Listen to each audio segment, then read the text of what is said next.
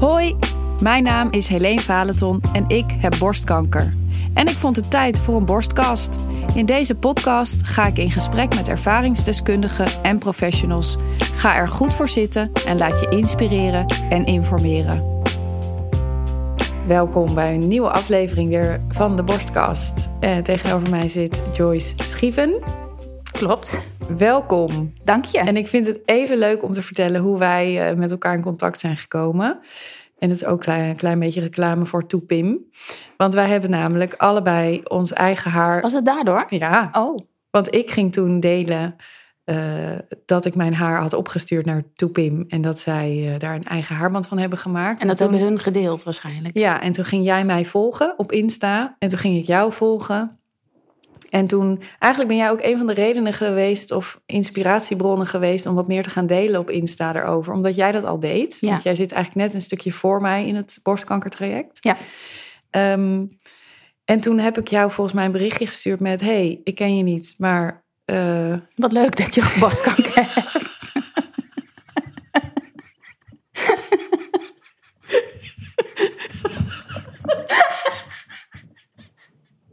Het gaat echt al heel goed, hè?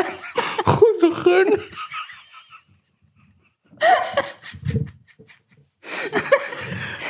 Huilen.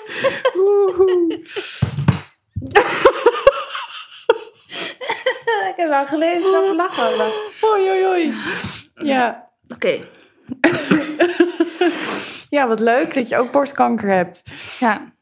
Nou, ik weet niet meer wat ik gezegd heb, maar het zal vast iets in die trant zijn geweest. Dat ja. ik zei, hé, hey, wij zijn lotgenoten ja. en we delen ook een beetje hetzelfde. Ja, een um, beetje dezelfde leeftijd. Ja, precies. En ik vond het heel tof hoe jij daar heel open over was. En uh, ja. heeft dus mij ook wel een soort zetje gegeven om dat ook te gaan doen. Um, en zo zijn we met elkaar in contact gekomen. We wonen echt totaal niet bij elkaar in de buurt. Nee. Uh, want jij woont helemaal in het oosten van het land ja. en ik in Amersfoort. Um, maar we hebben toen ook nummers op een gegeven moment uitgewisseld en best wel uh, ja, meegeleefd met uh, scans en zo. Er is een soort van vriendschap op afstand ontstaan. Ja, gek hoe dat gaat, hè? Ja, ja. ja ik vind het echt heel leuk dat je er bent en Ja. dat je ook jouw verhaal gaat delen. Want ik ken eigenlijk jouw verhaal nog niet zo goed. Nee. Alleen maar uh, hoe het in het nu is en niet hoe het allemaal gegaan is. Dus daar gaan we op inzoomen. Ja. Nou, dat even als introductie. Maar vertel, hoe zou je jezelf introduceren? Mm, Ja, ik ben Joyce. Laat ik maar gewoon wat random over me vertellen. Ik, eh, ja, ik woon dus in Ulft. Ja. Dus in de Achterhoek. Het oostelijk deel van Gelderland, niet van Twente. Dan hebben we dat meteen al uh, uit de weg geholpen. Um, 38 jaar, dat zei ik net al. Um, ik heb een dochtertje van zes. En ik woon samen met mijn vriend. En ja, ik werk als ZZP'er. Dus um, uh, misschien ook wel ja, bijzonder als je zo'n borstkankertraject Ja, misschien zeker. nog later over te hebben. Maar ik werk als ZZP'er en ik ben uh, tuin- en landschapsontwerper. Ja, En uh, ja, dat is wie je bent. dat is wie ik ben. Ja. Ja. En um, hoe kwam jij erachter dat je borstkanker had? Ja, dat is wel via een zijweg. Mhm. Want um, bij mijn vader in de familie komt vrij veel kanker voor. Mhm. En hij kreeg eigenlijk uh, van een zus te horen dat er genafwijkingen waren gevonden bij haar. Voor, um, die een verhoogde kans gaven op borstkanker. Oké. En toen heeft hij zijn, uh, zijn DNA ook laten onderzoeken. En daar kwam uit dat hij ook die twee genmutaties heeft. Oké. Ja.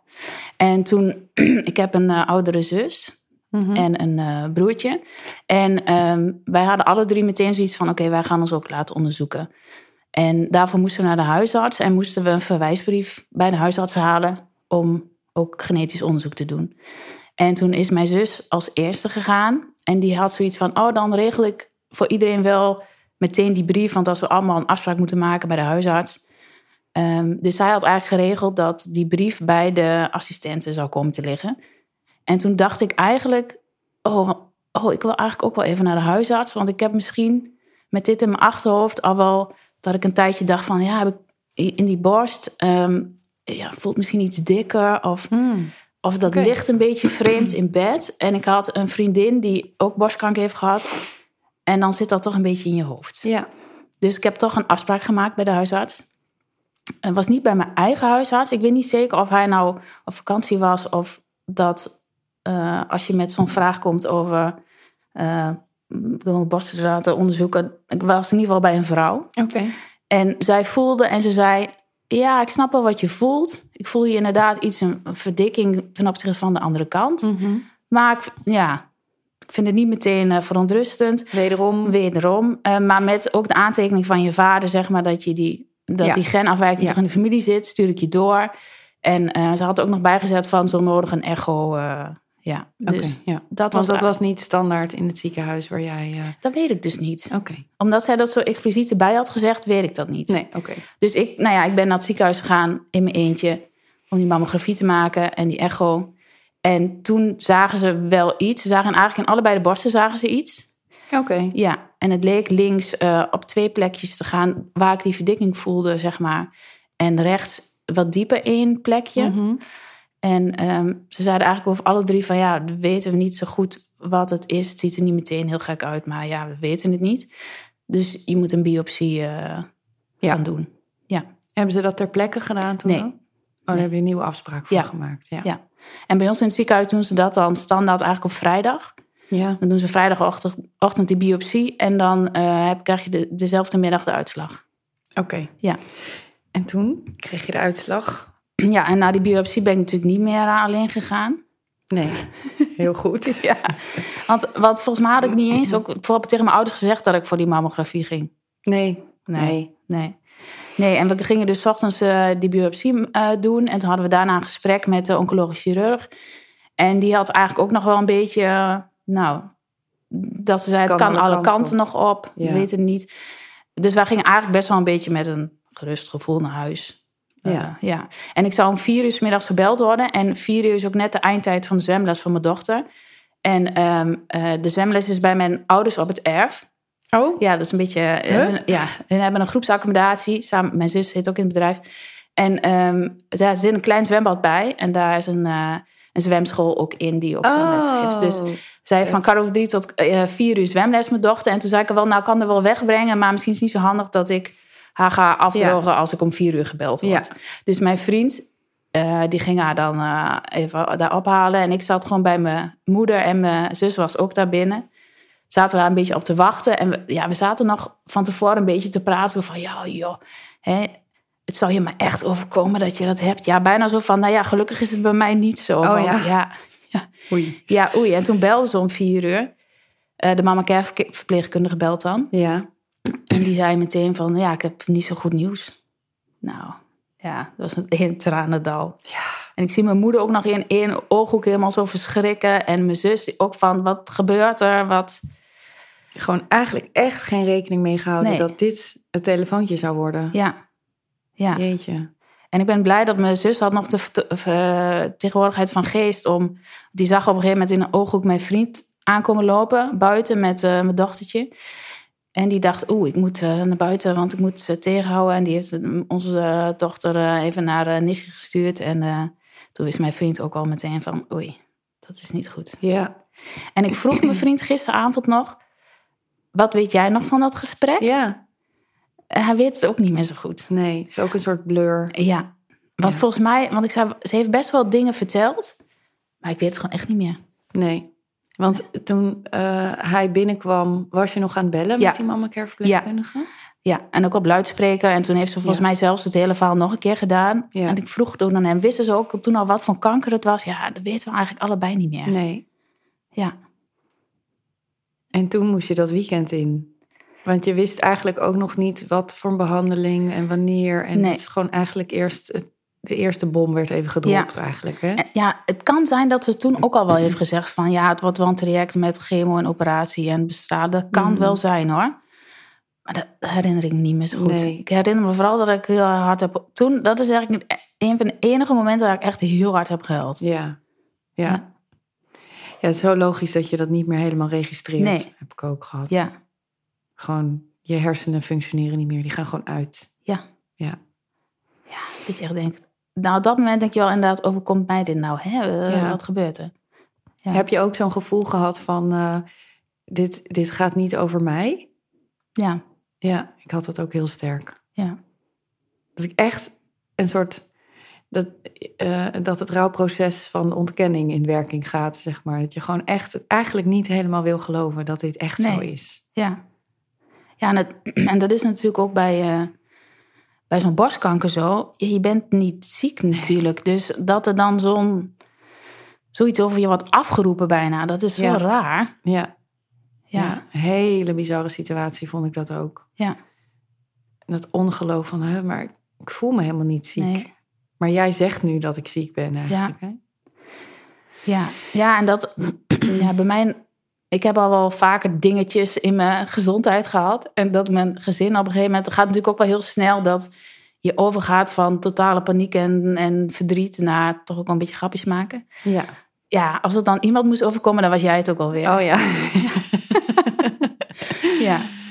Ja. En toen, na dat weekend, want dan ga je ook een hele molen meteen in. Dat het, bij mij ging dat heel snel met al die scans en zo. Wat, wat, eh wat bij moest jij ook allemaal wel. doen? Ja, ik, ehm, ik- ja, ik vertelde net ook al wel, ik ben wel... Ik had de volgende dag een afspraak met een nieuwe klant voor een tuinontwerp. En dat was een heel leuk, leek me een heel leuk project. Dus ik ben ook gewoon daar naartoe gegaan. En, ehm, en ook eh, in, in de weken daarna, ik, ik werkte een vaste opdrachtgever. En daar ben ik ook gewoon op maandag naartoe gegaan. Alsof er niks aan de hand was. En eh, toen kreeg ik al wel heel vlot een telefoontje van het ziekenhuis... dat ze die ochtend al plek hadden voor een eh, MRI. Oké, ja. Ja. Dus toen was het ook meteen van, eh, oké, ik ga nu zeggen dat ik eh, borstkanker heb. Ja, was je- eigenlijk de eerste moet wel keer- eigenlijk dan. ja, eh, nee, dat was niet de eerste keer, want ik was dat weekend ook al wel na... Was het dat weekend? Ja, dat denk ik wel. Goh, hoe snel dat allemaal weer uit je hoofd Ja. gaat. Wat ik langs vriendinnen en zo ging om eh, dat te zeggen dat ik dat had. Ja. Maar ik, eh, die eerste week, dat ging, die onderzoeken gingen allemaal heel snel. Dus dan had ik op maandag de MRI. En dat werd dinsdag al meteen meegenomen in het eh, artsoverleg. En ehm, mijn tumor bleek dus best wel groot te zijn al. Mhm. Ehm, eh, want op de MRI, ja, op de MRI straalde alles aan en toen leek het wel 6 centimeter te zijn. En toen zeiden ze, alles wat boven de 5 centimeter is, dan moet je door de PET-scan. Ja. Dus hup, werd ook meteen afspraak maken voor de PET-scan. En dat ging allemaal super snel. De eerste onderzoeken gingen allemaal heel snel. En er was ook allemaal heel snel uitslag. Mhm. En ehm, alleen toen duurde het later wat langer, want op de MRI straalde dus een groter gebied aan dan op de PET-scan. De PET-scan was voor de rest gelukkig door mijn lijf niks te zien. Ehm, maar toen dachten ze, ja, wat, wat, hoe kan dat nou, dat verschil? Ja. Dus toen ehm, zit ik te denken of dat ze eerst nog wel... Ja, dan heb je zo'n periode en dan moeten de jodiumzaadjes geplaatst worden en dit. En ehm, eh, toen hebben ze een biopsie onder de MRI gedaan. Oh ja. Ja, Dat is dus een soort begeleide. Want ze doen dat, de radioloog doet dat Ja. met een echo, eh, zeg maar vlak na de. ja je Eh, ligt echt... Want natuurlijk bij zo'n MRI lig je dus eh, op je buik, hè? Ja, Ja, dat is ook heel raar eigenlijk. ja, met ontbloot bovenlijf Ja. en je borsten hangen in twee gaten. Ja, ja precies. Zeg het maar heel plastisch zoals het is. Ja, ja, je krijgt dus eigenlijk ook helemaal niet veel mee. En tijdens een MRI is het eigenlijk prima, omdat je anders... je, zit ook, je zit ook in zo'n rond ding, dus... Ja. Ehm, maar als ze dan dus aan je moeten gaan zitten, is heel gek. ja, dat lijkt me ook gek. En ik had best wel, ehm, want tijdens de biopsie had ik eerst een keer een man.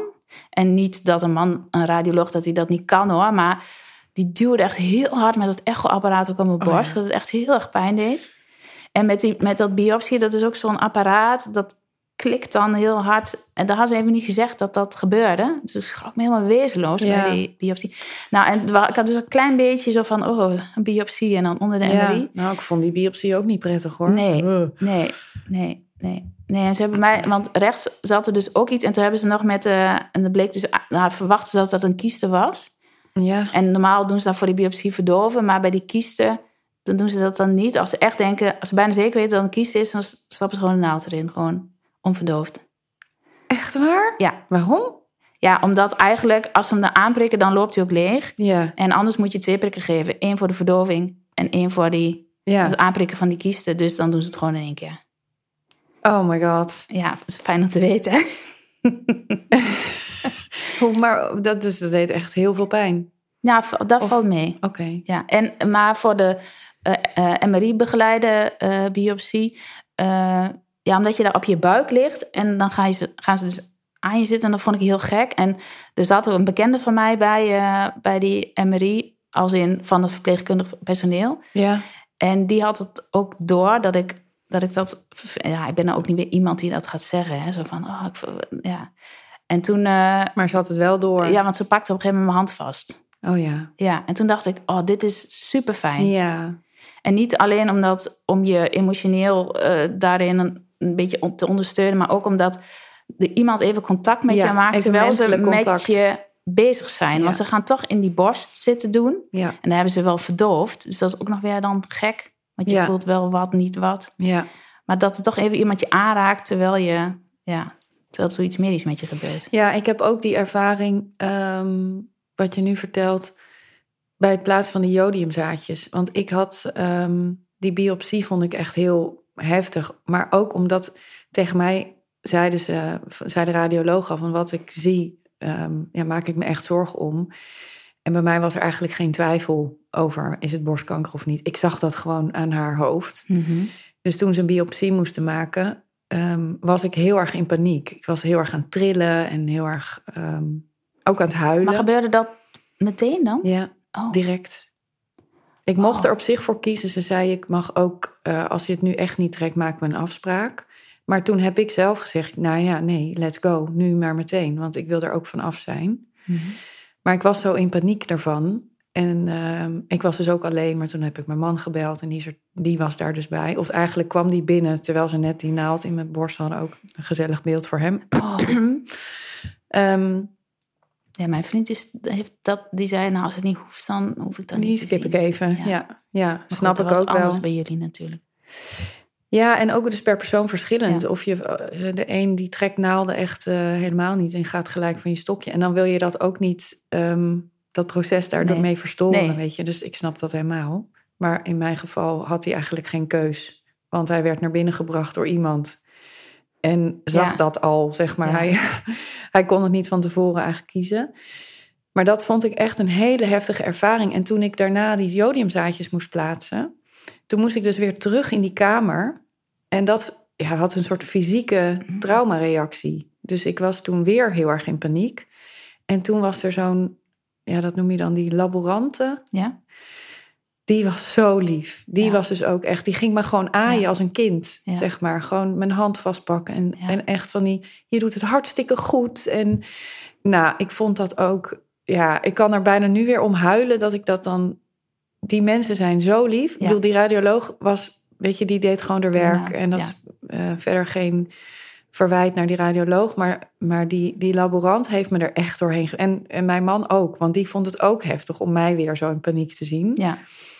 En die was echt zo ontzettend lief. Dat menselijke, ja, Ja. dan, dat sleept je er dan echt even doorheen door zo'n heel moeilijk moment. Ja. ja, dat herken ik wel. Ja, Ja, die mensen zijn ook allemaal heel erg begaan. Ja, en, en er zijn natuurlijk ook veel vrouwen in die rol, ja, denk ik. ja, En die, die kunnen dan natuurlijk ook wel... Ja, en dan zien ze zo'n jong iemand die dit dan overkomt. Die kunnen zich daar natuurlijk ook wel heel erg ja, in verplaatsen. Of, ja. Ja. Ja, ja. terwijl ik bij de MRI had ik een mannelijke laborant. En die zag ook aan mij dat ik het spannend vond. Gewoon, want ik had nog nooit dit soort dingen meegemaakt. En daar mag je man dan niet bij zijn. Nee. En die zag dat ook aan mij. En die, was ook, die ging een beetje grapjes maken. En eh, Ja. dacht ik ook, dat, ja, daar voelde ik me heel erg door gezien, Ja. zeg maar. Ja. Ja. ja, ik ben bijna overal ook alle onderzoeken en zo best wel... Ja, nou ja, niet nuchter, maar best wel... Ja, ik heb, in het, ik heb al wel wat ziekenhuiservaring. Dus Ja. dat deel valt dan weg, zeg maar. Ja. Dat je daar dan heel bang voor bent. En ik dacht allemaal van, ja, het moet allemaal maar gebeuren. Ja, doe maar. Ja, je ging het gewoon doen. Ja, Ja. ja, Het is dus ook zo verschillend hoe je dat eh, ja, aanpakt eigenlijk. Hè? ja. Oké, maar even, we waren gebleven bij eh, je hand werd vastgepakt en die geleide nee, eh, MRI, Ja, biopsie eigenlijk, of punctie, wat is het? ja. ja. Want waarom moest dat dan daar en niet... Ehm, omdat op de MRI straalde het grote aan, de tumor. Oh ja, dat heb je dus gezegd, dan konden ze eh, dat deel, zeg maar, wat, wat niet op de PET-scan zien... en daar wilden ze dan nog een biopsie ook van nemen. Ja. Want dat konden ze dus op de echo ook niet zien. Ja, want eh, ik heb ook een radioloog gesproken. Volgens mij heeft ze dit niet in de podcast verteld, maar zij zei dat ze dan ook meerdere hapjes als het ware nemen. Ja. Toch? Is dat bij jou ook gebeurd? Ja, volgens mij wel. Van dat grotere gebied dan? Ja. ja. Ja. En uiteindelijk bleek dat, ehm, dat deel wat groter aanstraalde op de MRI, dat dat een soort voorstadium was. Oh ja. Dat wa- waren nog niet echt kankercellen, maar dat was al wel een soort voorstadium. Ja. Dus dat straalde wel op de MRI aan, maar nog niet op de PET. Ja. En daarom was het dus eigenlijk in totaal 6 centimeter. Ja. Maar de tumor zelf was zeg maar ongeveer de helft. Ja. Drie, eh, drie centimeter bij nog wat. Ik, de precieze afmetingen weet ik niet. Ik ook niet. Nee, dus, maar alsnog best wel zijn. groot. Ja, ja, ja. Ja. ja. Ja. Bij mij ook. Ja. Het is echt heel vergelijkbaar. Ja, Ja. ja. Oh. De grootte dan. Ehm, bij mij was het 5 centimeter. Echte tumor, dus niet, eh, niet dat het zo... Maar jij hebt het dus zelf gevoeld. Ja, Ja. En ik, ik heb eigenlijk de tumor... Ja, omdat het zo groot was... ik kan hem nog steeds voelen. Oh ja? Ja. Oh. Het is een keihard stuk in je borst. Het is ook niet een knoppeltje bij mij. Dat is gewoon Nee, bij mij was het dus ook geen knobbel, maar een schijf. Ja. Ja. Maar echt een- verdikking. Net wat die huisarts toen zei. Ja, ik voel inderdaad wel iets in verdikking. Ja. Ja, ik heb het vergeleken met ehm, als je als, als tienermeisje beginnende borsten krijgt, dan Ja, krijg je zo'n zo'n schijf, schijfje ja. achter je tepel. Dat is het, Ja. wat ik voelde. Alleen dan met een beetje kartelrandjes, zeg maar. Dus niet heel glad. Ehm, dat voelde ik. Ja. Ik voelde inderdaad best wel... Echt een grote verdik. Niet een bult, niet een knobbel. Nee, Nee. het was gewoon... Denk aan de ene kant wat harder dan aan de andere kant. Ja, Ja. en inderdaad, dat je voelt, dit is anders dan aan de andere kant. Ja. Ja. Oké, en toen ehm, eh, kreeg je daar dus de uitslag van. Van dat is voorstadium Ja. en deels echt tumor. Ja. Is dat niet naar de lymfeklier in je oksel? Nee, want op de PET-scan... Ligt er Eh, dat niet op? Nee, en op de MRI ook niet. Nee, oké. Nee. Dus dat, ja, dat vond ik dan wel fijn. Dat ik dacht, oh, Ja, het is in ieder geval één goed eh, nieuws. Want Ja, voor de rest, ja. ja. ja. en, en wat is dan verder je behandeling eh, geweest? Je zit er natuurlijk ook nog in. Dus ik, Ja. oh, dat hebben we helemaal niet genoemd. Maar wij zijn allebei nog beha- volop ja. in behandeling. Ja. Hè? Het is niet zo dat Ja. wij nu eh, terugkijken. Ja, want ehm, bij mij werd dus 17... Ik heb het ben nog even teruggezocht in de agenda. De data weet, weet ik niet precies. Op 17 februari heb ik dus gehoord dat ik borstkanker had. En Ja. op 21 maart zijn ze eigenlijk begonnen met de chemotherapie. Oh ja, En dat zit eigenlijk best wel lang dan toch een beetje bijna tussen. een maand. Ja. Omdat, ehm, omdat, eh, die, eh, omdat ze dus dat stukje voorstadium, dat ze Ja. niet wisten wat het was. Nog iets verder onderzoek ja, was en, en op die MRI-begeleide biop, dat, dat duurde best wel lang voordat ze die konden inplannen. Oh ja, Ja, omdat er dan al die specialisten allemaal tegelijk bij moeten zijn. ja. Ja. En ehm, je hebt best wel een lange periode dan dus moeten wachten eigenlijk... voordat er iets ging beginnen. Ja, Hoe ja, was die en- periode voor je? ja. Dat, nee, dat vond ik niet heel gek. Het was wel meer dat ik op een gegeven moment dat je denkt... ja, er moet er wel iets gebeuren, want dan kan, eh, groeit ook gewoon door. Ja, precies. Ja. ja. Ja. En dat, dat, ja, dat zei de arts op een gegeven moment ook wel. Van, eh, nou, wanneer eh, komt die MRI nou? Want mevrouw moet wel een keer beginnen. Ja, precies. Ja. Ja. ja. En ehm, ik heb... jij hebt hormoongevoelig, hè? Ja. Dat heb ik niet. Ik heb eiwitgevoelig. Ja. Twee positief. En ehm, eh, ja, dus hup, met die chemo beginnen, dat was wel goed. Ja. Ja. Dus het behandelplan wat aan jou werd gepresenteerd... was ook starten met chemo. Ja. Ja. Ja. En ehm, nu is dat ook het onderwerp wat jij koos... om als, even uit te diepen als thema Ja. voor deze aflevering. Ja. Ehm, en ik denk dat het heel waardevol is, omdat ik, ik moet nog drie chemo's als we deze podcast opnemen. En ik krijg weer een ander soort chemo dan jij, want bij mij is het hormoongevoelig en bij jou, bij jou is het eiwitgevoelig. Dus ehm, we hebben samen bedacht, we nemen de luisteraar even mee in eh, chemotherapie. Ja, hoe Ja. werkt dat? Ja, wat moet je allemaal doen? Waar moet je op letten? ja. Ehm, Praktische tips. praktische tips, inderdaad. Ehm, want waarom wilde je het eigenlijk daarover hebben? Want jij kwam met het voorstel. Ehm, ja, ik had natuurlijk de vorige podcast inderdaad geluisterd. En er Mhm. waren natuurlijk hele mooie ervaringsverhalen. Ook, over, ook van vrouwen die al wat langer terug hadden gehad. En toen Ja. dacht ik, ja, het is misschien ook wel eh, ja, leuk, maar goed om te vertellen over inderdaad... eh, hoe, ja, hoe, hoe zit je er dan... Hoe gaat het dan als je er echt in zit? Ja. En ik merkte ook al dat chemotherapie, dat is echt... Ja, dan heb je echt kanker. Hè? Als je echt Ja, chemotherapie... Ja. Dat, daar hangt ook wel een beetje voor buitenstaanders zo'n ding omheen van, oh, dat is iets super heftigs. En dat hoor je ook wel van de arts, dat je zegt, ja, die zoals in de film gaat, zo gaat het niet. Dat je, dat je alleen maar kotsend uh, nee. in bed ligt. ja. Dus ik dacht, nou, dat is wel mooi omdat we dat dan allebei dan, jij zit er nog in en ik heb het net gehad, om daar het dan over te hebben. Ja, zeker. Ja, ja vond ik ook heel goed. Ja. Ik denk ook heel waardevol voor andere vrouwen die uh, misschien aan het begin staan van zo'n traject. Ja. Want um, jij hebt dus eiwitgevoelige borstkanker. Ja. Um, wat, weet je daar, wat is jou daarover uitgelegd? Wat, wat zegt dat eigenlijk? Ja, dat um, uh, een speciaal eiwit om de tumor heen zit. Mm -hmm. En uh, dat die tumor daardoor ook sneller groeit. groeit. Maar dat dat ook eigenlijk zijn zwakke plek is. Ja. En dat ze door die, uh, want ze geven dan immunotherapie. Ja, officieel heet dit doelgerichte therapie en geen immunotherapie. Oké. Okay. Um, uh, dat, die, dat die eiwit aanvalt. En dat daardoor die, die, die kankercellen niet meer kunnen overleven. Ja. En um, ja, wat was je vraag? Nou ja, dit. Wat, oh. uh, wat zegt. wat, wat is eiwitgevoelige oh, ja. borstkanker? Ja. Nou, dat is dus dit. Ja, dat is dus dit.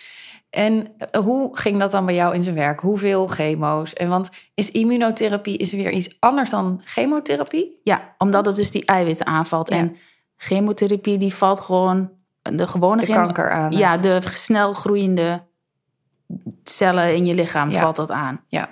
ja. En, en is het dan ook zo, want bij hormoongevoelige uh, tumoren is het zo dat die chemotherapie valt inderdaad de tumor zelf aan.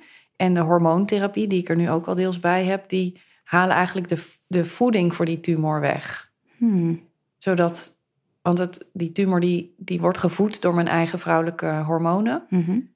En wat voor middelen zijn dat dan? Nou, dat is. Um, ik word dus kunstmatig in de overgang gebracht. Dus ik krijg uh, elke vier weken een Zoladex-injectie. Het zijn um, met je eigen hormonen die ze dan. Ja, je eigen hormonen. Oh, ja. ja. ja. dat is bij mij niet. Uh, nee. Nee. Maar dat is dus, je kunt, dat is in, die, in die zin is het uh, soort gunstig dat je op twee manieren kan behandelen. Je kunt ja. en de, de voeding, zeg maar, weghalen ja. voor die tumor.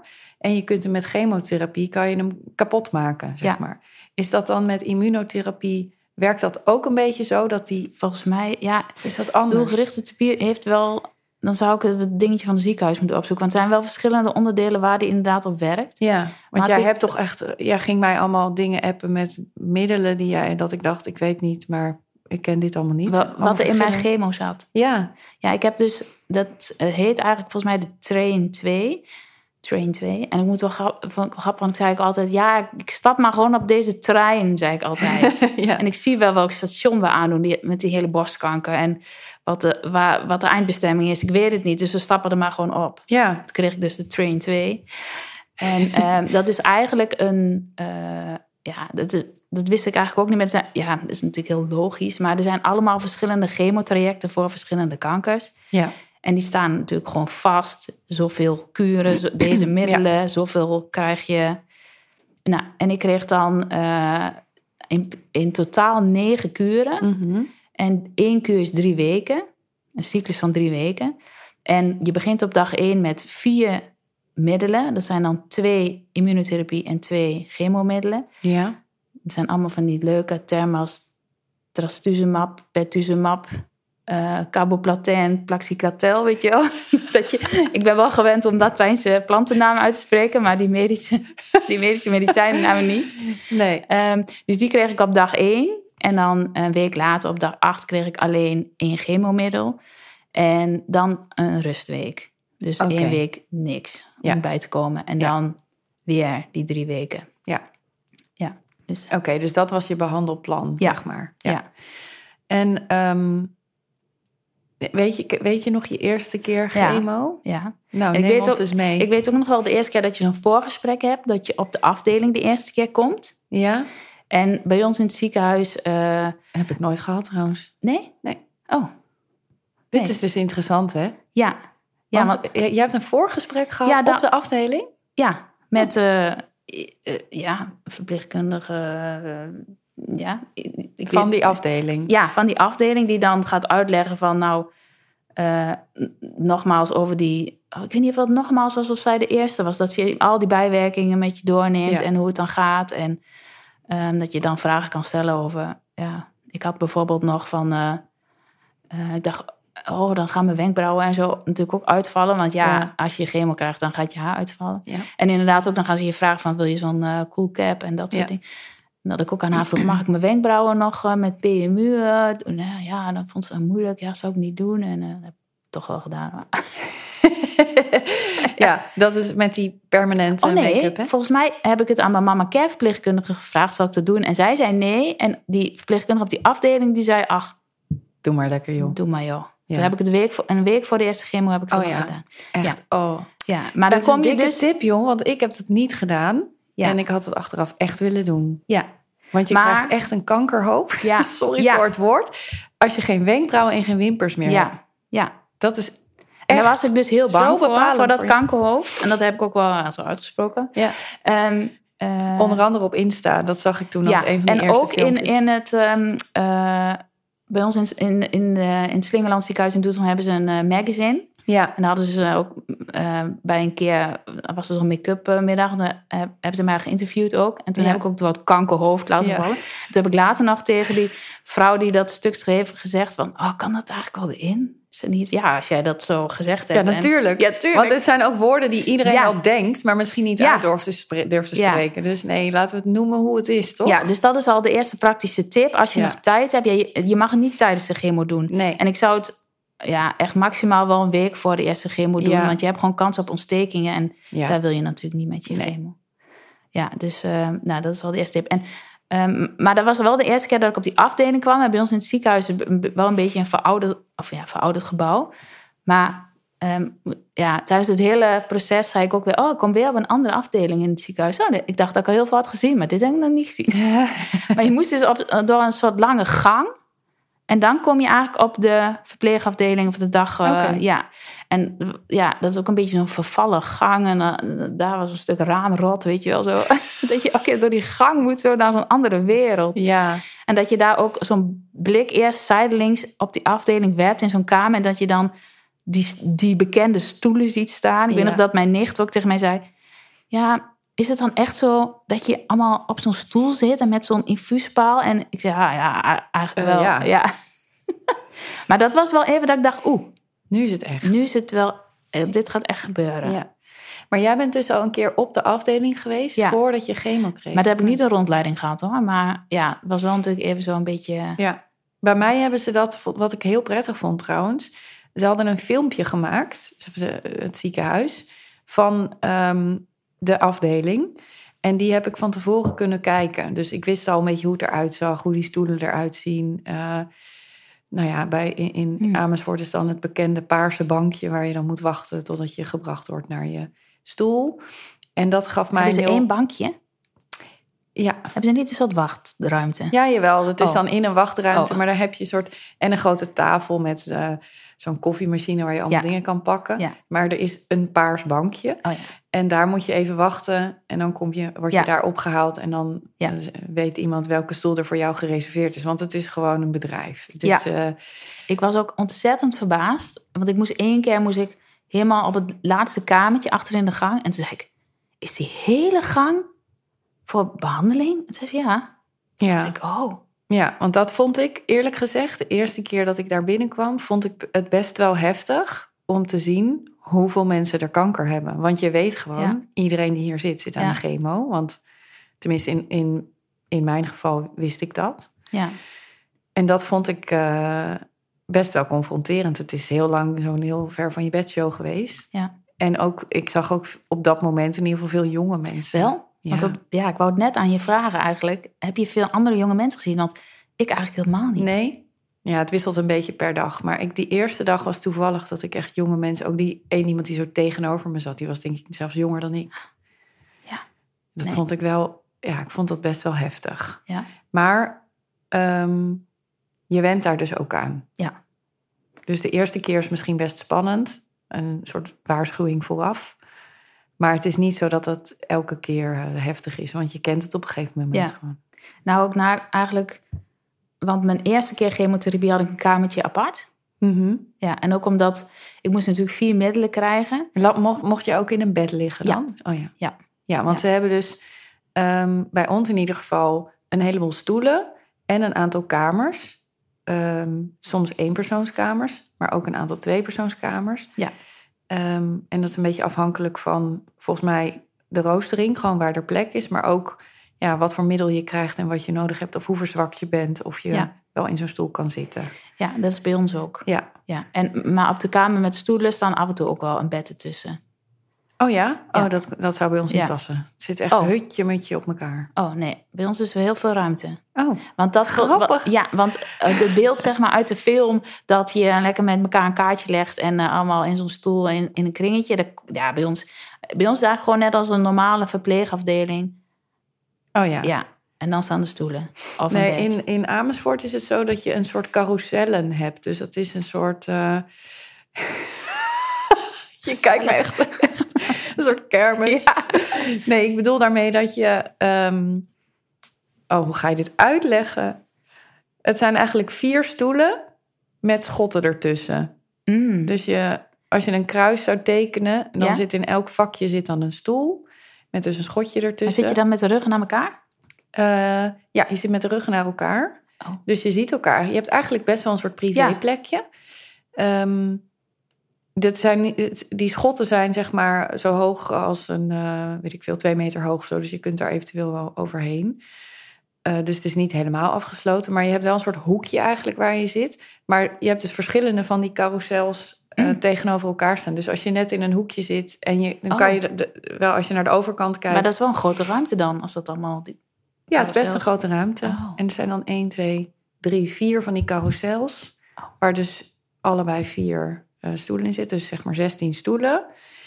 Zeg ik dit goed? Ja, volgens mij wel. En dan ehm, ook nog, ik weet niet precies hoeveel kamers, zeg maar, er zijn. En ik heb eigenlijk altijd in zo'n stoel gezeten, behalve bij de eerste twee keer Paclitaxel. Want dan moeten ze erbij blijven zitten, een kwartier. Was dat bij jou ook zo? Nee, Niet? nee. Bij mij is wel, want ehm, daarom lag ik de eerste keer ook op mijn kamer apart. Ja, dat was ook omdat ik tegen de verpleegkundige had gezegd dat ik misofonie had. Dus ik dacht ze, oh, ik haar maar op een kamertje apart. Ja. Maar ik moest de eerste dag echt van 9 uur s ochtends tot 4 uur s middags. Wow, Ja, dat want is lang. die eh, ik nooit immunotherapie, dat, dat, eh, vooral de eerste keer, dan eh, gaat het, stroomt het in een uur erin. En dan had ik daarna een uur wachttijd. Om te kijken Oh, hoe ja. het reageert. En dan de volgende weer een uur inlopen, een uur wachttijd. Maar, en bij die Paclitaxel is er ook wel wachttijd geweest, maar er heeft nooit iemand naast gezeten. Oh, Nee, wat grappig. Misschien heeft het dan met de dosering te maken. ja, dat weet ik niet. kunnen.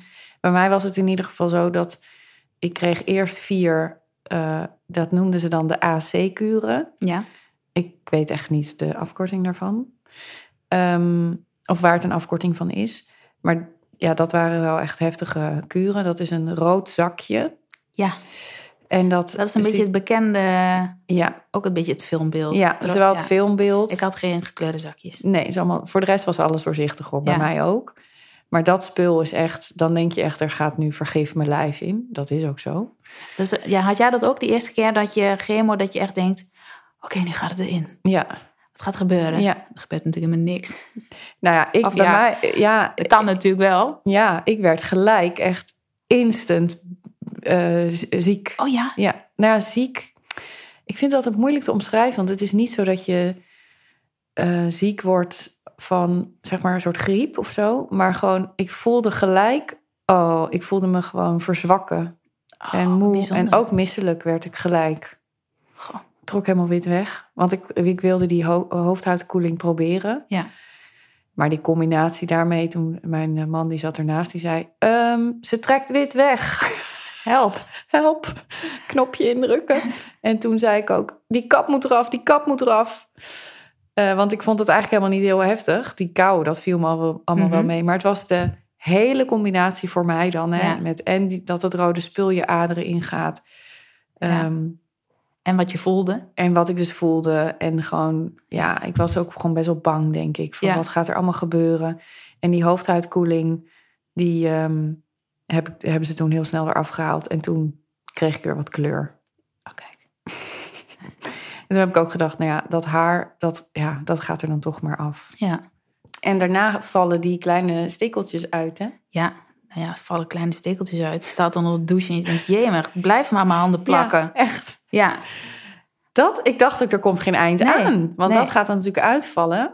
En ik weet nog dat wij in een vakantiehuisje zaten... en dat ik dacht, oh, wat erg, straks verstopt het hier helemaal. Ja dat kan ik me voorstellen. Ja, ik vond het ook echt... ehm, op een bepaalde manier werd het pijnlijk zelfs. Dat ik er, als ik er overheen ging, dat het een, alsof het een, bijna los zat. Ja, ik weet niet. Dus dat hebben we uiteindelijk nog verder afgeschoren. En dat heeft mijn Mhm. man toen wel gedaan. Want dan is iedereen toch gewend aan dat het Ja. er eraf is. Maar, Want eh, hoe, hoe, hoe ging dat hier thuis, zeg maar? Want buiten heb je dan... Buiten heb je altijd je Ja. haarband op Ja. en een muts of een pet. Ja. En hier thuis, hoe vind je dat niet? Of Mm. wel altijd? Eh, altijd een mutsje. Ik loop niet helemaal kaal rond. Dat, ja, dat voelt voor mij gewoon heel eh, naakt of zo. Ja, ja.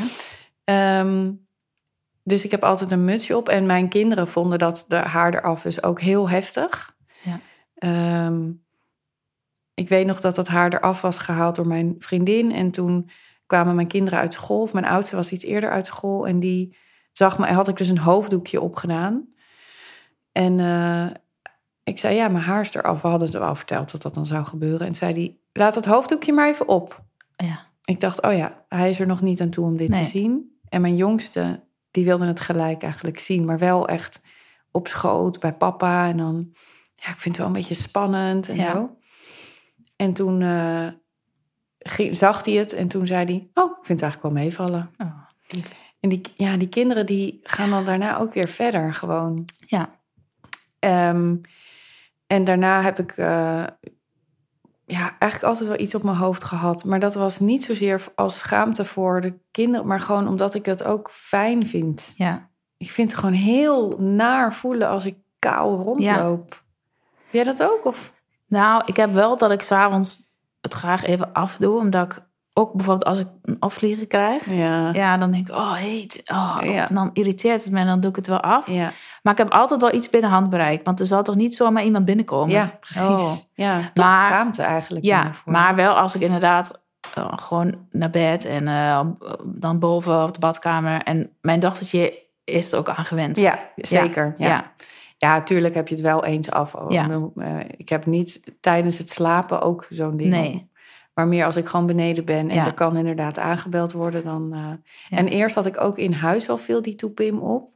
Omdat het een toch... Je voelt dan je eigen haar in je nek. Ja. Dat voelt gewoon lekker. Maar ehm, ja, daar ben ik ook wel wat makkelijker in geworden. Dat Ja. ik ook dacht, ja, want als iemand mij met zo'n hoofddoekje ziet... dan weet je ook genoeg. Ja. zeg Maar ja, Ja. dat is dan zo. De pakketbezorger eh, mag het best weten. Ja, precies. ja. Oké, nou, dus haar gaat uitvallen. Ja, hoe vinden we dat? Jij vond het dus niet zo erg. Ik vond het wel heel erg. ja. Ehm, Ik vond het bijna erger dan mijn wenkbrauwen inderdaad en mijn wimpers en zo dan. ja, Want in het begin blijft dat best wel lang zitten. En ja, dan denk je, oh, het blijft wel zitten. ja, ik had ook nog hoop. Maar bij jou, want mijn eh, wimpers zijn niet allemaal uitgevallen. Ik heb er echt, ik heb er echt nog drie of Ja. zo. Oh ja? ja? Ja. dat was bij mij ook nog heel lang. Maar uiteindelijk heeft bij mij toch alles... Alles losgelaten. Ja. Oh ja, ik zie ze zitten, ja. Ja, en, en mijn haar, wat ook wel heel bizar is, dat hebben ze ook gezegd. Maar ik heb dan twaalf keer die paclitaxel kuren elke week. En dat begint nu, terwijl ik die kuren nog krijg, begint het dus al terug te groeien. Dat is toch gek? Ja, ik heb Ik het wel vaker niet. gehoord. Ja, want het zal eigenlijk snel groeiende cellen aan moeten pakken. Ja, Maar dat heb ik sowieso wel met de chemo. Ik heb het idee, want ze zeggen wel van de eerste chemokuren die zijn een beetje ehm leidraad voor hoe, hoe je de rest gaat doorstaan. Maar toch heb ik het idee dat mijn lichaam er een beetje aan Ja, gewend raakte. En dat vond ik ook wel een beetje enger. Dan denk je, went die kanker daar ook aan? ja precies. Ja. Maar daar heb ik wel eens gevraagd en dan zeiden ze, nee, dat kan niet. nee, nee. Ehm, ja, en hoe gaat dat? ehm, is misschien ook goed om te vertellen. Het prikken van een infuus. Ja, dan vraag je nou wel aan een verkeerd Ja. Want eh, eigenlijk ging het... Ik ben nooit slechte prikken geweest. Het ging eigenlijk heel goed. Ik ben ook niet bang voor naalden. Dus dat ging eigenlijk best wel goed, infuus prikken. Ja, Ja. bij mij ook. En ik deed dat een beetje afwisselen. Dan aan die kant, dan aan die kant. Ja. Ehm, en ik moet ook wel zeggen... ja, dat ging eigenlijk bijna altijd wel goed. Maar je hebt best wel veel tussenmomenten. Want na elke kuur moet je natuurlijk bloed prikken... om te kijken of je bloedwaarden goed genoeg zijn... om de Mhm. volgende kuur te doen. Ja. En die prikken ze meestal in je ellebogen gewoon. Ja.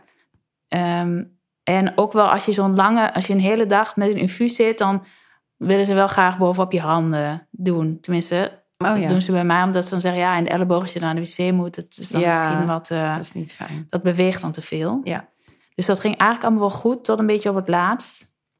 Toen begonnen mijn aderen wel een beetje tegen te sputteren. Ja. Maar toen had ik echt een beetje in mijn hoofd van, ja, maar we zijn er bijna. En eh, dan heb je zo'n, eventueel zo'n optie voor een vaste lijn. Maar ik dacht, ja, we zijn er bijna. Dat hoeft niet. Ja. We redden het nog wel. En toen was het wel een beetje, ja, er was er soms, dan moesten twee keer geprikt worden. En meestal proberen ze twee keer en dan halen ze iemand anders. Ja. Ehm, eh, heel soms bij mij was het al na één keer dat ze al dachten, oh, daar gaan we weer. Ja. Ehm, eh, en aan- in het begin doet het ook helemaal niet pijn. Tenminste, ik vond dat in, Nee. maar op het laatste, hoor. Ja. Als ze dan... ja. eh, ik heb echt exact dezelfde ervaring. Ja. In het begin ging het echt easy peasy. Maar je aderen die worden een soort van harder of stugger. En ze, ze rollen dan weg. Nou, en bij mij ging heel vaak het aanprikken wel goed. Maar dan moeten ze dat infuus erin doorschuiven. Dat lukte dan niet. Nee, nee, nee, bij mij ook. En de oplossing bij mij is nu eh, mijn hand in een warm badje doen. Mm. Of een soort eh warm pack erop leggen. En dan komt die ader een beetje naar boven. En wordt wat soepeler of zo. Ik weet eigenlijk niet precies Ja. waarom dat werkt. Maar dat werkt. Omdat Oh. ik dus ook een aantal keer heb gehad dat het niet lukte. En dat ze dan iemand erbij haalden. En toen heb ik op een gegeven was er dus iemand... Zullen we een warm badje proberen? Toen dacht ik, eh, oké, is goed. En daarna ging het heel goed. En toen heb ik gezegd, zullen we het gewoon niet eerst proberen... maar gewoon gelijk dat warme Ja. badje doen? Waarom ook niet? Ja, precies. Ehm, en dat vinden ze allemaal prima. Dus dat werkt nu goed. Ja. Ehm, en ze prikken dan bij mij niet in mijn hand... maar eigenlijk in mijn onderarm. Oh, Aan de bovenkant. Dus hier, oh nee. zeg maar waar je horloge ongeveer zit... hebben ze bij mij Ja, steeds hebben ze wel eens geprikt, denk ik. Maar meestal bij mij bovenop de hand. Ja, dan Ligt zijn ze misschien misschien ook een beter beetje- te zien bij jou. Ja, ja. hangt natuurlijk heel erg ervan af. Ze beginnen zo laag mogelijk. Ja. ja en ik heb ook gehoord van ehm, als het prikken echt heel moeilijk gaat, dat ze dus zo'n vaste lijn, dat noemen ze dan een piklijn. En eh, dat, dat doen ze in een soort voorkamer van de, van de OK. Ja. En dan, dat blijft gewoon de hele tijd zitten. En Ja. dan kunnen ze daar gewoon, dan is er een slangetje uit en dan kunnen ze daar en bloed volgens mij afnemen. Maar ja, dat ook, verschilt eh, een beetje. Soms moeten ze nog wel eens bloed gewoon uit je arm. prikken. oh ja, oké. Nou, in ieder geval het infuus kan daar dan aangehangen worden. Ja.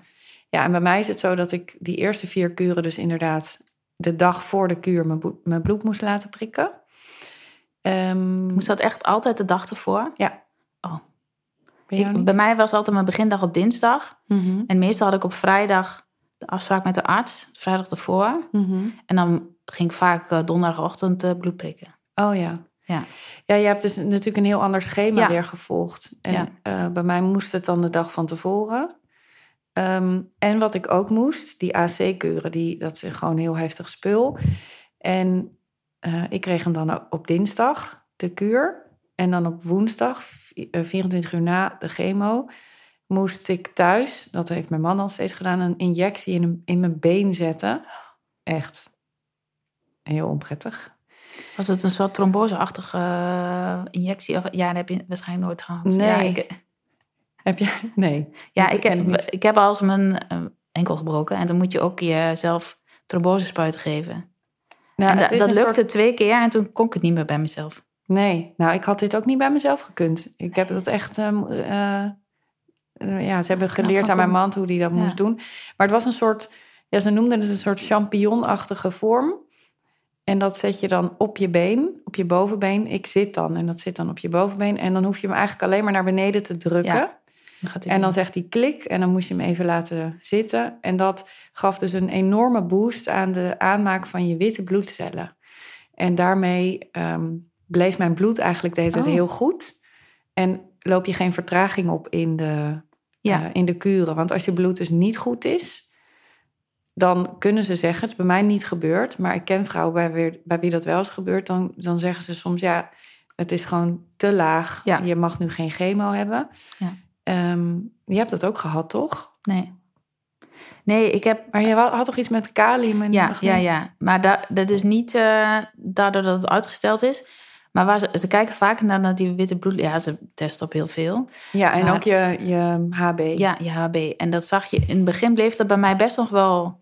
Ik begon ook best wel hoog daarmee. Ik had best Mhm. wel hoge uitgangswaarden. En je zag het wel iets zakken, maar dat viel nog mee. Maar op een gegeven moment inderdaad waren, was mijn kaliumwaarde te laag. En ehm, ik dacht, dan denk je, "Oh, kalium, waar is dat dan voor? Ja. Ja, op zich schijnt het best wel belangrijk te zijn. dat je hart klopt en zo. spieren, je spieren een beetje aan de gang houden. En daar moest ik dan eh, eh, medicijnen voor nemen, dat dat weer omhoog ging. Ja, je ging Maar dan eh, shotten met Joyce. eh, ja, je- atten met Joyce. Atten ja. met Joyce. Nou, dat is wel grappig, want ik heb één keer dus tijdens een MRI, dan krijg, als je een MRI krijgt, gaat de koptelefoon op en dan vraagt wil je muziek? Ja. En Ja. bij ons kunnen ze dan blijkbaar alleen maar Q-music ontvangen. Heel raar. En toen lag ik daar tijdens het foute uur. en er was serieus Atje voor de sfeer. Nee, echt? Maar dat wist ik nog toen nog allemaal niet. Dat was gewoon helemaal in het begin met de MRI. Maar toen dacht ik nog wel, Het was voorspellend. Was ik het. lig hier met borstkanker in de MRI en dan Atje voor de sfeer op- mijn oren. Nou ja, goed. Ik moest er dan wel een beetje om lachen. Maar ehm, ja, dus toen dacht ik, daar hou ik het in, Atje voor de sfeer. En die kalium, dat is heel zoute drank. Mhm. En hou ik wel van zoute drop, dus dat, dat vond ik niet zo erg. Maar ik kreeg in het laatste stadium ook nog magnesium. Die vond ik wat minder lekker. Maar ehm, eigenlijk, of het- dat was eigenlijk qua bloedwaarde wat eh, niet goed was. Maar Ja. mijn HB ging best wel prima. Ja, En de rest. Ook, Ja, op een gegeven moment is hij wel gezakt hoor. Maar ehm, ja, ja, bij mij, bij die eerste vier kuren kreeg ik die injectie en gingen mijn witte bloedcellen echt door het dak. Gewoon, die werden gewoon veel hoger dan eh, waar ik mee startte. Maar bij eh die paclitaxel hoefde dat niet meer. En hoef ik ook niet meer elke keer bloed te prikken. Hm. Alleen bij 1, 3, 6, 9, 12. oh ja. En ja, mijn witte bloedcellen zijn eh, echt op het randje. Oké. Maar eh, ja, eh, aan de goede kant van het randje. Ja. Dus eh, ze zeggen steeds, nee hoor, prima. Want ik had daar helemaal stress over. Want dat kan je dan zien in zo'n app. Dus dan zag ik al, oh, het is heel laag. En straks gaan ze bellen dat het niet mag. En zo. toen kwam ik daar op de afdeling en zei, hoe gaat het? Ja, ik heb wel stress over die bloedwaarden. En zei ze, waarom? Oh, Ja, waarom? Het is toch gewoon goed? Ik zei, ja, maar het is net boven het randje. En ze zeiden, ja, dat is toch goed? ja. Ja, hele nuchtere types allemaal. Ja. En ehm, nou, oké, prima. Dan eh, hoef ik me geen zorgen te maken. En dan kunnen ze die zorg ook wegnemen. Oh ja, en ik weet niet of het bij jou ook zo is. Maar voordat je chemo eh, krijgt, voor ze het infuus überhaupt prikken, moet je een aantal controles doen, toch? Dus mijn bloeddruk wordt altijd gemeten. Oh, Nee. grappig weer. Nee. Nou, bij mij wel. Ik moet op een soort ehm, stoel zitten waar ze je gewicht meten. Nee. En bloeddruk en saturatie, dus je zuurstofgehalte in je bloed. Nee. Heb je allemaal niet? Nee. Wat grappig. En nee, ze doen wel. Ze nemen doen, ze op? Nee, ook niet. Ze doen wel tijdens, ehm, vooral in het begin, eh, in die wachttijd voor de immunotherapie, dan moeten ze elke tien minuten even je bloeddruk en zo opmeten. En je, maar niet voor de tijd of eh, nee. Oh joh, Nee. want ik heb ook gevraagd van waarom is dat dan? En ehm, je gewicht is met name belangrijk, omdat ehm, die chemo, of eigenlijk de hoeveelheid chemo, wordt bepaald eh, op basis van je lichaamsoppervlak. Oh, dat ik ook zei. Hoe bereken Maar je dat? ze doen dit de ochtend voordat je die chemo krijgt. Gewoon, Precies eh, gewoon vijf minuten voordat je de chemo krijgt. En ehm, die waardes, dus vooral het gewicht is dan belangrijk. Ehm, eh, op basis daarvan maken ze voor de volgende keer die chemo. Over de volgende keer. Ja. Ik wou zeggen, want dat, dat kan toch niet voor meteen? Nee, nee, nee, nee. nee. Dus dus we hebben de best wel vaak keer- ook gewacht op chemo Ja. van de apotheek. Ja, Oh, het is er nog niet. Oh, het is er nog niet. ja. Ik dacht namelijk, toen ik eh, hier nog geen, geen reet vanaf wist, dacht ik, eh, ze hebben gewoon zakjes chemo. Net als dat je Ja. eh, pakjes paracetamol op liggen. Ja. Nee, het wordt dus echt op jou gemaakt, zeg maar. En, en daarom moest ik ieder En ook kort van tevoren. Ja, die ochtend wordt het dan gemaakt. Gelukkig is het bij mij altijd wel dat hij een keer op een hele andere afdeling lag. Was hij met zo'n buizenpost totaal ergens anders terechtgekomen. Oh, spannend. Maar ja, prima. Dan eh, duurde iets langer. Maar het is dus zo, als ik... Dat gebeurt niet, want je komt eerder aan van chemo dan dat je afvalt. ja, ook zoiets leuks. ja, terwijl ze van tevoren ze- zeggen... Of dat ik van tevoren dacht... Oh, daar ga je dan heel erg van En afvallen. mijn arts heeft dat wel gezegd. Dat afvallen eigenlijk meer aankomen? mensen aankomen dan afvallen. Ja, ja, bij mij ook. Maar van tevoren dacht ik... Oh, dan kan je niet meer eten omdat je zo misselijk bent. Maar die medicatie die eh, zorgt er wel voor dat je heel erg honger krijgt. Ja, Dexamethason. ja. Ehm, maar je komt dus eerder aan En, maar als je te veel af zou vallen, dan hebben ze dus eh 10%. Je mag niet meer dan 10% afvallen. Dan moet je ook wel heel veel afvallen in een week natuurlijk. Maar dan is eigenlijk die dosering van die chemo niet goed Nee. genoeg meer. Dus daarom Nee. moesten ze dat steeds checken. Maar dat is dus blijkbaar met eh, Nee. het soort chemo ook anders. Nee, nee. Want ze hebben bij mij wel voor de tijd mijn gewicht eh, gemeten, maar ook niet tussendoor. Oké. Nee. En ik heb thuis ja. ook geen weegschaal, dus het, eh, ik wist zelf ook eigenlijk niet... eh, ja, ik wist wel dat ik niet heel veel aangekomen, heel veel afgevallen was. Nee. Nee. Nou ja, ik heb wel met een diëtist even contact gehad, omdat ik ook dacht, ja, wat mag je dan wel eten en wat mag je dan niet eten? Ehm, en die zei ook van, je, we moeten vooral je gewicht stabiliseren. Ja, Eh, niet te veel aankomen, maar zeker ook niet te veel afvallen. ja. Ehm, en wat dingen. Oh ja, ik mag bijvoorbeeld geen grapefruit Nee, dat mag ik ook rondom niet. de chemo. Dat mag ik ook niet. En, eh, Geen vette vis. oh, dat... ehm, 24 uur voor en 24 uur oh, na. dat... Nee. Dat heb ik niet gehoord. Maar eh, geen grapefruit en Sint-Janskruid of zoiets. Ja. Ja. Oh ja, ja, heb ik ook gehoord, ja. Ja. Maar dat had ik toch niet vaak. Nee. Dus het, dus het kan in thee zitten of zo, toch? Of, ja, ik weet niet. Volgens Ja. mij is dat ook een, een middel tegen neerslachtigheid of somberheid, Oh. maar dan een soort natuurlijk eh, Oh. middel. Zijn er verder nog dingen gezegd waarvan je nog onthouden hebt van ja, dat mag je niet eten? nee. Nee, hè? Die grapefruit is het belangrijkste. Die heeft Ja. dan. Oh ja, en ook eh, supplementen zoals eh, omega-3 en zo. Die, die visolievetten mocht ik ook niet. Hmm. Dat hebben ze niet specifiek gezegd. Hmm. Nee, en ik had op een gegeven moment wel ook dat in mijn waarde dat een beetje... Dat hij zei van drink je wel genoeg? Oh? Ja, of dat hem eh, misschien dat mijn nieren het niet zo eh, leuk vonden of zo, ik weet niet precies. En toen zei ook de arts, ja, maakt me niet uit eh, als je geen water kan drinken, wat je dan drinkt. Al is het cola, een hele fles, als je maar drinkt. Oké. Ja, Oh, wat grappig. ja, maar ik kon dus eigenlijk, dat is misschien weer een ander, want ik, ik kon niet zo, ik had prik. Nou, kon ik niet meer zo goed, Oh, prik nee? drinken. Nee. Dus ik heb, eh, ik heb natuurlijk al ook meteen de alcohol afgezworen en daarna ook de frisdranken met prik. Ja.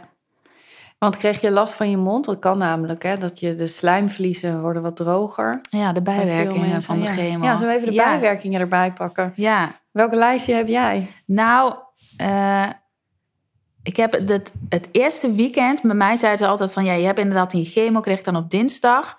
En dan kreeg ik inderdaad woensdag en donderdag nog eh, wat pepmiddel, die dexamethason. Ja. En dan zeggen ze vaak kikt het dan eh, daarna een beetje in. Ja. Dus dan ga je ook naar huis en dan zit je ook een beetje zo een beetje te wachten. Ja, Wat gaat er gebeuren? Ja. En ehm, nou, ik vind het wel heel moeilijk om te schrijven. Want ik zeg altijd, ja, ik krijg een soort griep, maar dan niet met koorts. Maar je bent gewoon niet lekker. Het is niet dat je heel slecht bent, maar je bent gewoon ook echt niet lekker. Nee. En ehm, eh, ja, ach, ik, ik vergat ook elke keer weer een beetje wat er elke keer weer in dat weekend weer was allemaal gebeurd. Maar over het algemeen lag ik gewoon op de bank en was het niet zo lekker. En ik weet nog wel dat ik het eerste weekend, toen had ik ook geen honger. Nee. En dat is later wel weer, had, had ik niet, bij andere kuren had ik dat niet meer. Maar dat Nee. eerste weekend was daar inderdaad, ik had helemaal geen honger. En als ik dan niet op tijd at, werd ik weer misselijk. Ja. Ehm, dus ja, en ik heb, dat was wel heel gek, want dat eerste weekend had ik helemaal een obsessie. Dat ik op Instagram, en dan ging ik, zit je daar doorheen te scrollen. En toen kwam ik op een gegeven moment, kwam alleen maar, want dat is een natuurlijk leuk algoritme, kwam alleen maar mensen die dan heel erg hamburgers en fastfood zaten te eten. en dan zat zat het schram zo. En ik weet nog wel dat, volgens mij was dat het eerste weekend, maar ik weet niet zeker. Dat mijn vriend op zondag eh, eigenlijk weg was. En dat hij dan met eethuis terugkwam. En dat hij zei, ja, moet ik voor jou nog eten meenemen? En dan was hij bij zijn moeder geweest. En die wou... Zei, nee, ik heb soms zin in een Big Mac.